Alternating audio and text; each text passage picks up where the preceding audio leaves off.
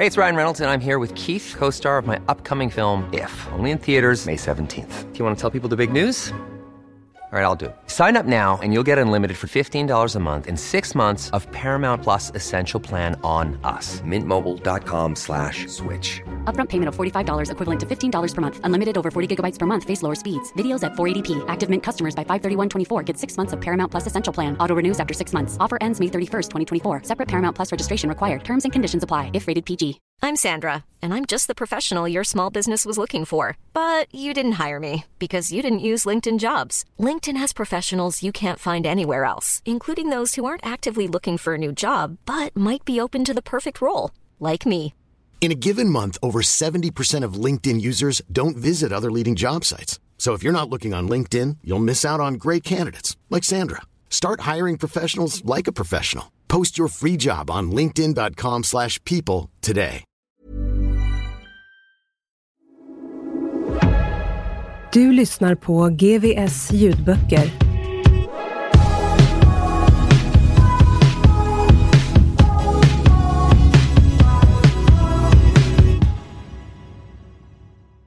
Nytt kapitel. Taket ovanför sängen var grått.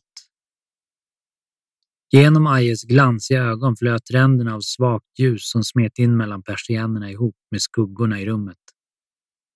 Han låg kvar länge på rygg. Så länge att han plötsligt blev osäker på om han ens hade sovit under natten. Eller bara legat där. Han kunde inte minnas när han hade ätit eller ens druckit vatten senast. Han hade aldrig upplevt en sån fysisk ångest förut. Den låg och tryckte över bröstet, över pannan. Tvingade ut de sista dropparna svett ur hans kraftlösa kropp. Han sträckte sig efter mobilen och kikade på skärmen. Det var förmiddag tisdag den 7 januari 2003. Ajes 26 födelsedag. Inga missade samtal eller sms. Senaste kommunikationen med omvärlden var när en bekant hade ringt två dagar tidigare och berättat att polisen hade gripit Chichi. Det hade varit en varning, men Aje orkade inte bry sig om den. Han var ensam kvar nu och undrade mest när de skulle komma. En inslagen dörr och uppvaktning av polisen. Det vore en passande födelsedagspresent, tänkte han. Det var antingen det eller ligga kvar i sängen tills han somnade in. På riktigt. För gott. Inget av alternativen var att föredra. Livet kändes meningslöst efter en julhelg i ensamhet. Aje försökte minnas när han hade ätit senast. Han visste inte. Kanske på nyårsdagen. Han visste inte längre om han låg vaken eller sov. Efter ännu ett dygn kom den försenade födelsedagspresenten. Han hörde slagen mot ytterdörren och skriken från trapphuset. Det är polisen, vi vet att du är där Aje. Öppna dörren, annars slår vi in den. Sekunden senare hördes ett brak från hallen och mannen som nyss legat på rygg i sängen iklädd endast ett par kalsonger låg plötsligt på mage med händerna i handklovar bakom ryggen. Automatvapnen som riktades mot hans huvud var minst sagt överflödiga. Han gjorde inget motstånd. Poliserna som stannade kvar i lägenheten hittade efter husrannsakan tre mobiltelefoner och lika många tomma mobilförpackningar, en burk tårgas och två olika sorters dopingpreparat i ampullform. Samtliga beslag skulle senare generera ytterligare åtalspunkter som lades till det misstänkta narkotikabrottet gällande försäljning av 19 000 tabletter råhypnol som var anledningen till gripandet. Nytt kapitel. Aje vaknade med ett ryck på Mariestadshäktet. I drömmarna hade någon jagat honom. Stegen var tunga och förföljaren knappade in hela tiden. Han hade vänt sig om, måttat med nävarna för att försvara sig, men luften hade varit trög och slagen trycks bort innan de nådde hans okände motståndare. Motslagen hade varit kraftiga och hans egna armar satt som fastvuxna varje gång han försökte parera. Han hade försökt fly igen, men kroppen var stel. Som om den omgavs av en tjock massa. Han kunde inte minnas när han senast hade drömt. I vanliga fall var sömnen som ett svart hål. Ett tomrum i vilket alla sorger och samvetskval absorberades och sjönk djupare ner i. Möjligen kunde en känsla av obehag dröja sig kvar efter uppvaknandet, men aldrig några konkreta drömmar. Men i takt med att gifterna lämnade kroppen i den lilla häktescellen så hade de börjat komma tillbaka. Han svettades ut ångesten och försökte glömma. Aje var på väg in i psykosen igen. Och när han vaknade i sin cell dagen därpå visste han att något var fel. Mer fel än vanligt. I drömmarna hade han letat efter ett gömställe i sitt kök hemma på Jägargatan. Han hade irrat runt utan resultat, börjat slita inredningen på jakt efter de hemliga öppningarna, dolda utrymmena. Ingenstans hittade han något. Någon hade varit där, tänkte han. Kanske buggat lägenheten. Det hade brakat när han slet loss luckorna från väggen. Allting hade känts fel. Uppehållsrummet hade varit helt förstört när kriminalvårdspersonalen kom in och övermannade Aje. Han höll i en nedriven skåplucka och yra om saker som försvunnit från hans kök innan han till slut kollapsade. Det är inte svårt för honom att få tillstånd att åka till akuten nästa dag. Läkarna kunde konstatera att han hade ett utvecklat beroende av bensodiazepiner och att psykosen på häktet förmodligen var en direkt reaktion av det abrupta avstannandet av hans receptbelagda självmedicinering. Aje skrämdes av sanningen. Inte så mycket för de konsekvenser som hans leverne uppenbarligen förde med sig, utan för att han på att bli, eller kanske rent av redan var, en pundare. Han hade ju sett ner på sådana. Han hade lovat sig själv att aldrig mer sjunka så lågt. Med hjälp av läkare påbörjades samma dag en överlagd nedtrappning av hans tablettmissbruk. Två månader senare var han ren och han beslutade sig för att lyssna på sina klubbkamraters uppmaningar och aldrig hamna där igen. Ayo och Shishi satt på samma häkte men fick till en början inte träffa varandra. Eller någon annan heller för den delen. På grund av restriktioner. I slutet av februari dömdes de i tingsrätten och efter ytterligare tre månaders kamp dömdes Aje även i hovrätten till fängelse i ett år och åtta månader för bland annat narkotikabrott, vapenbrott och häleri. Han skickades till Ystadanstalten. Våren 2003 hade det också blivit dags för den kraftigt försenade begravningen av Zlatko. Ett och ett halvt år efter sin död och till tonerna av musik i filmerna Braveheart och City of Angels fick en av Ajes närmaste vänner äntligen ett värdigt avslut. Men när de andra sörjande samlades i Tuve kyrka för att säga farväl satt Aje inlåst i en cell. Nytt kapitel. Efter Slatkos försvinnande hade Toves liv i princip stannat upp. Aje var en av dem som hon kände sig mest trygg med och det hände att hon åkte hem till honom när hon mådde dåligt. Han hade varit ett viktigt stöd för henne i olika omgångar ända sedan de började umgås i slutet av 90-talet. Inte minst när hon var sjuk, vilket hon var ganska ofta. Zlatko hade alltid haft svårt att hantera det och ofta reagerat med att antingen få panik eller bli irriterad. Då kom Aje som en räddande ängel. Han lugnade ner Zlatko, lagade soppa till Tove och höll henne sällskap. På samma sätt försökte han stödja henne även efter Zlatkos försvinnande. Men det var av naturliga skäl svårare för dem båda. Under det dryga år fram till mordrättegången och begravningen började Tove alltmer distansera sig från Aje och de andra i gänget. Hon skämdes. En effekt av Zlatkos död, som hon kanske inte hade räknat med, var att hon blev lite av en kändis. Händelsen hade fått mycket uppmärksamhet inte minst i media och skulle omskrivas i både artiklar och böcker i flera år framöver. Plötsligt fann hon sig omgiven av nya ansikten som ville hjälpa henne igenom den svåra situationen. Först kändes det konstigt, men snart blev det en naturlig del av hennes vardag. Det var skönt att ha folk omkring sig av flera anledningar. Dels för att hon var rädd. Dels för att hon tyckte att det gjorde lättare att fly från tankarna och känslorna. Med de nya bekantskaperna kom också drogerna in i hennes liv igen, med full kraft. Hon hade trappat ner ordentligt på sistone. Men nu erbjöd de återigen lindring och distraktion. Hon ville inte visa det för Aje och de andra och därför drog hon sig undan dem. Kanske kände Aje på något sätt likadant, tänkte hon. Att det var lättare att gå vidare ju mindre närvarande minnet av Slatko var. Till och från fick hon ändå indikationer på att Slatkos gamla vänner fortfarande höll ett öga på henne. Som när hennes langare helt plötsligt vägrade sälja till henne. Vem som hade sagt till dem hade hon ingen aning om. Men hon kände igen mönstret från tiden med Wolfpack.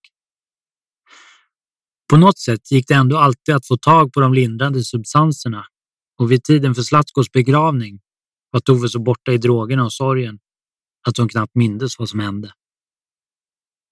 Det var först i efterhand när hon pratade med den präst som förrättade begravningen som hon kunde bilda sig en uppfattning om ceremonin. Han sa att han aldrig hade sett kyrkan så full tidigare.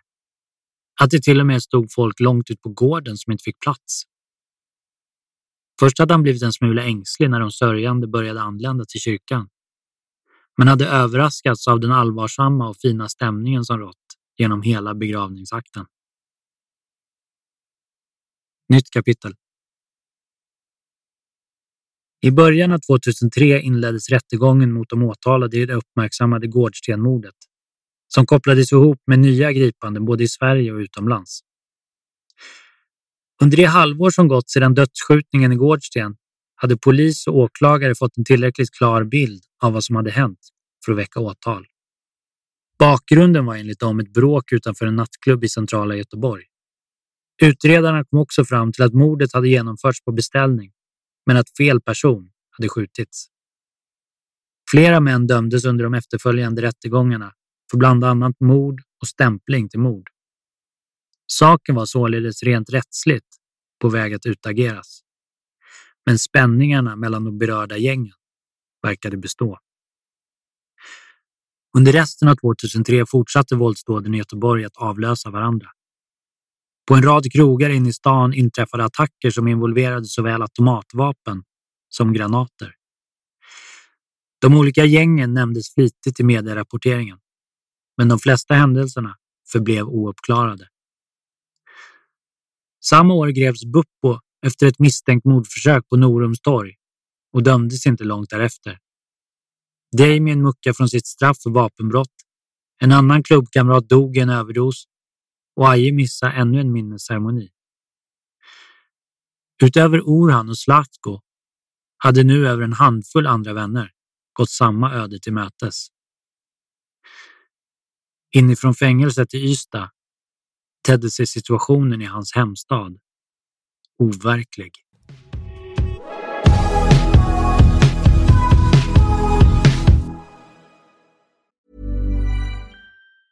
Hey, it's Ryan Reynolds, and I'm here with Keith, co star of my upcoming film, If, only in theaters, May 17th. Do you want to tell people the big news? All right, I'll do it. Sign up now and you'll get unlimited for $15 a month in six months of Paramount Plus Essential Plan on us. Mintmobile.com slash switch. Upfront payment of $45 equivalent to $15 per month. Unlimited over 40 gigabytes per month. Face lower speeds. Videos at 480p. Active Mint customers by 531.24 get six months of Paramount Plus Essential Plan. Auto renews after six months. Offer ends May 31st, 2024. Separate Paramount Plus registration required. Terms and conditions apply if rated PG. Hiring for your small business? If you're not looking for professionals on LinkedIn, you're looking in the wrong place. That's like looking for your car keys in a fish tank.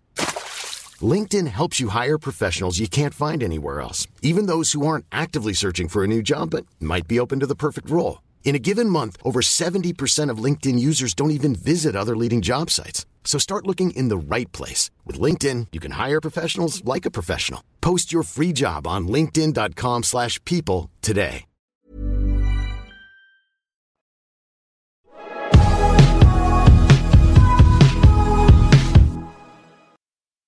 Del 7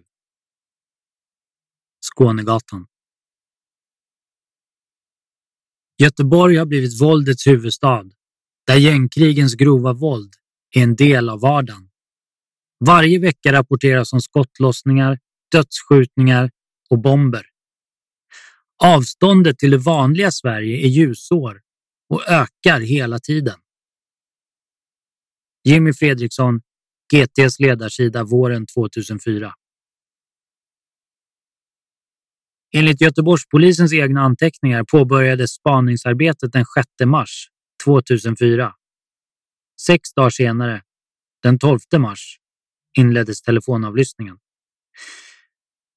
Det första inspelade samtalet kopplades upp klockan 17.40 och genomfördes på knagglig engelska mellan två mobiltelefoner med oregistrerade svenska kontantkort. Hello? Hello? Hi. How are you? Good, good. I come from, you know, I have something for you. Yes. Uh, I will be by this. Um, we need to meet in two hours, maybe. Now I'm driving this way. Okay. Okay. And in two hours, I will call you. Where were you last time? By that hotel, you know? Okay. Okay. Okay. See you. Samtalet varade bara i 36 sekunder. Men det gjorde knappast att polisen blev mindre intresserade av människorna de haft under uppsikt de senaste dagarna.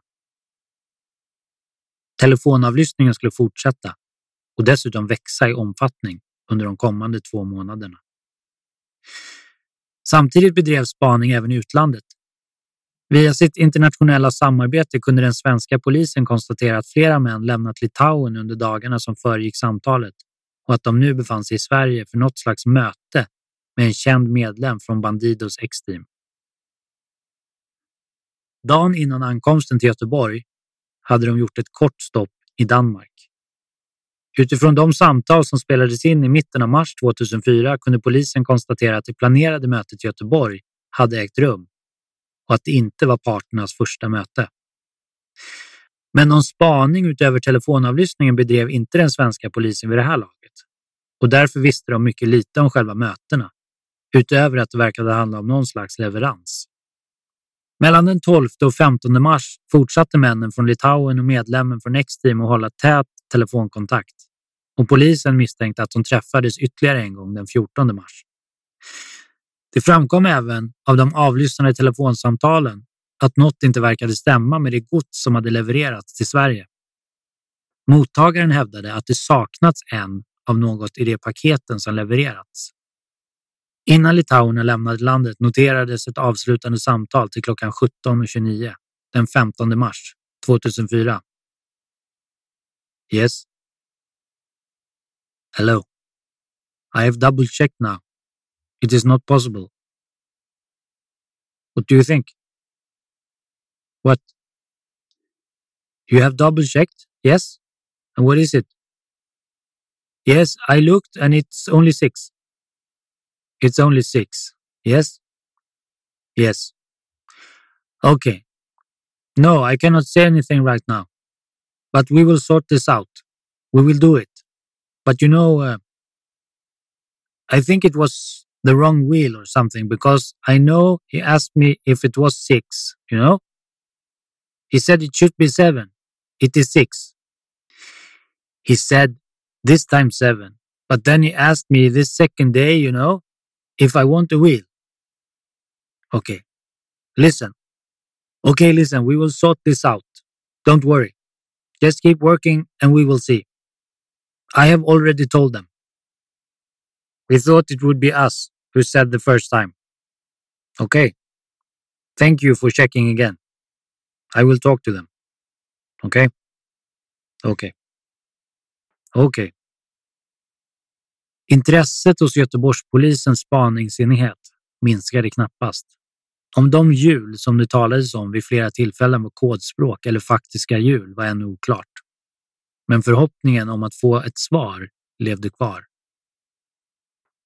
Fyra dagar senare ringde X-team-medlemmen upp samma utländska telefonnummer igen och sa att de ville ha nytt. Den 21 april bevittnade Göteborgspolisen för första gången själva ett möte mellan litauerna och deras svenska kontaktman. Efter två dagars spaning såg de en röd Estlandsregistrerad Lexus som anlänt till Sverige samma morgon parkera på Stora Nygatan i Göteborg. Tre män lämnade bilen och gick bort till krogen The Cattleman på Kungsgatan. Efter en stund anlände även en okänd person till platsen. Mannen som gick in på den irländska puben och slog sig ner vid samma bord som de litauiska männen skulle polisen senare komma att identifiera som Damien. En timme senare, klockan 20 över sex på kvällen, lämnade sällskapet krogen.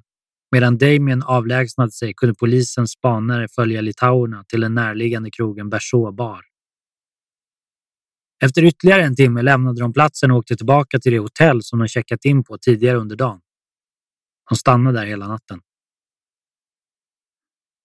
De kommande dygnen bedrev polisen intensiv spaning mot de litauiska männen. En av bilarna de förfogade över sågs bland annat lämna ett vandrarhem i Åsa och åka ut på småvägar längs med havet. Vissa av platserna var så avskilda att polisens spanare inte kunde hålla sig tillräckligt nära för att se vad som försiggick eller om föraren vid något tillfälle lämnade bilen.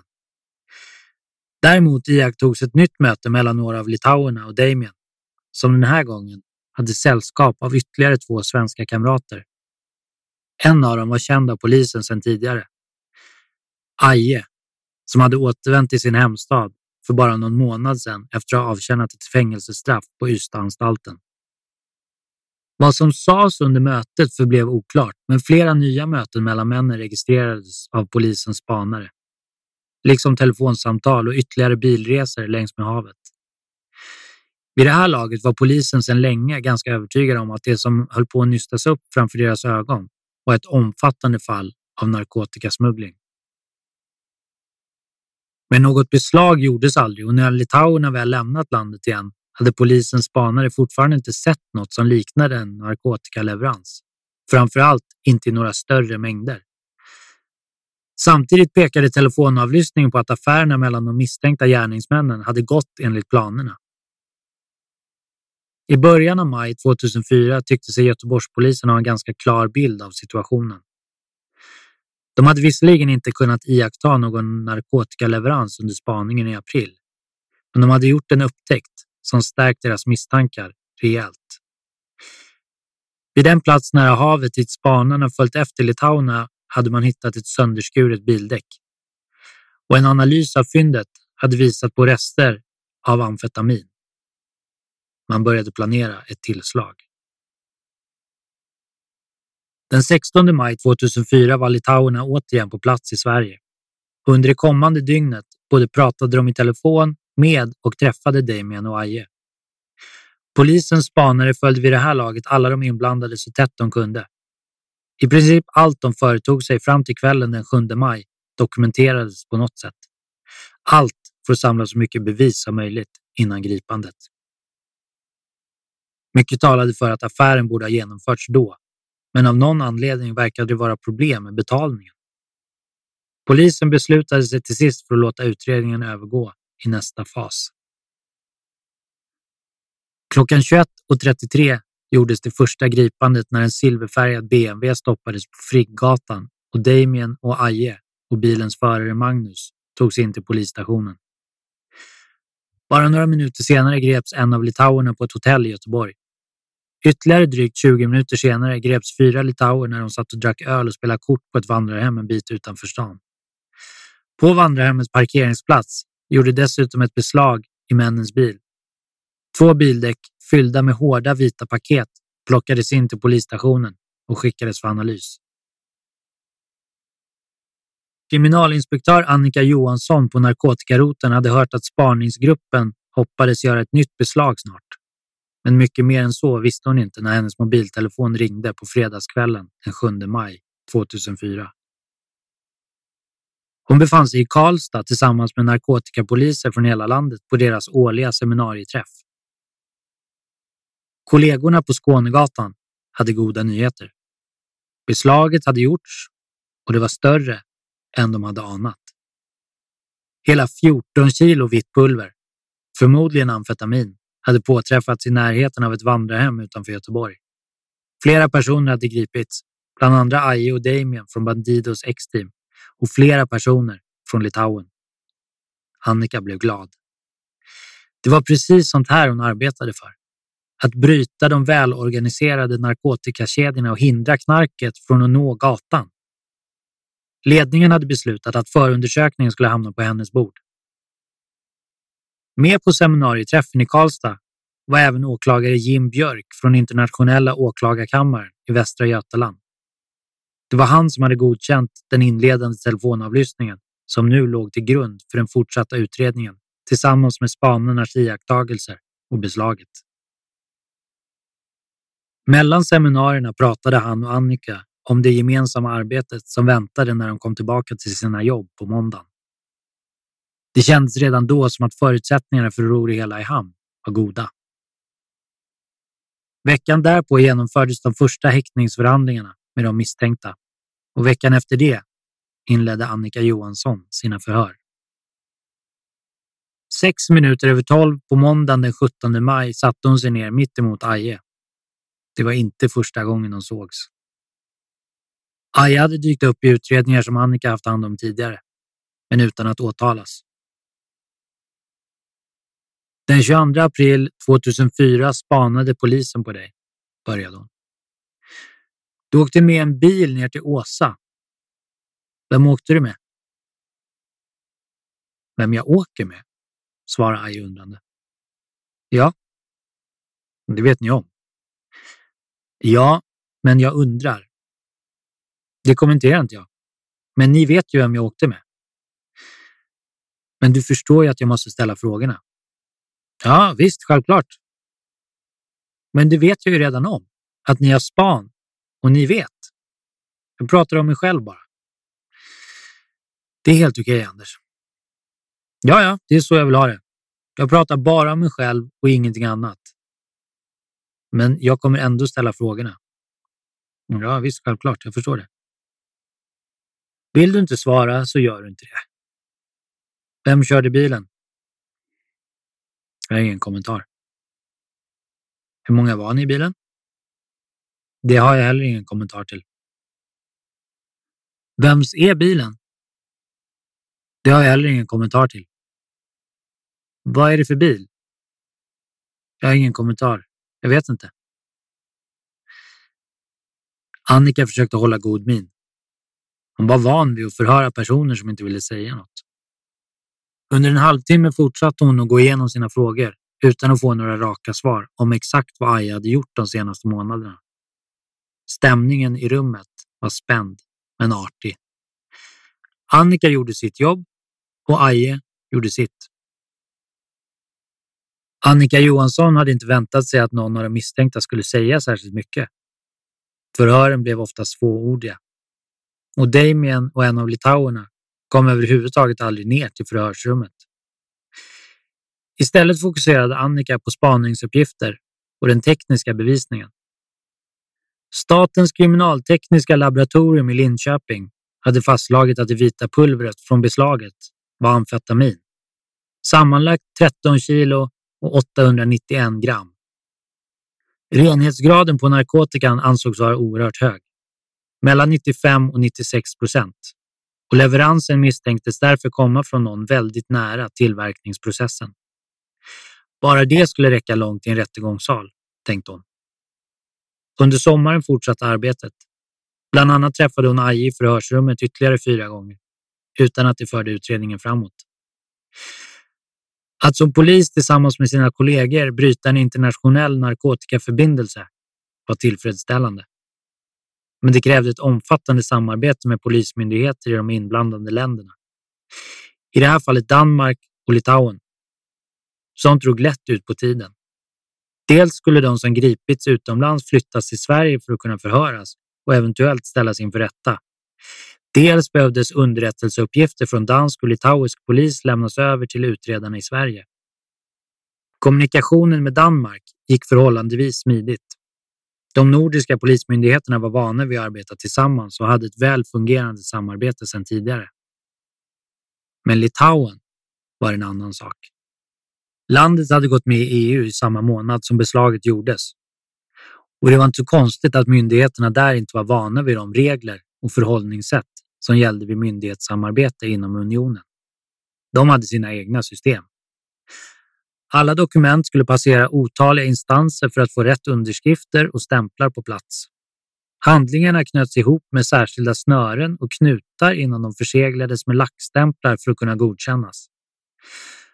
Från den svenska sidan försökte man så gott man kunde kompensera sitt i jämförelse enkla tillvägagångssätt med de stämplar som fanns att tillgå.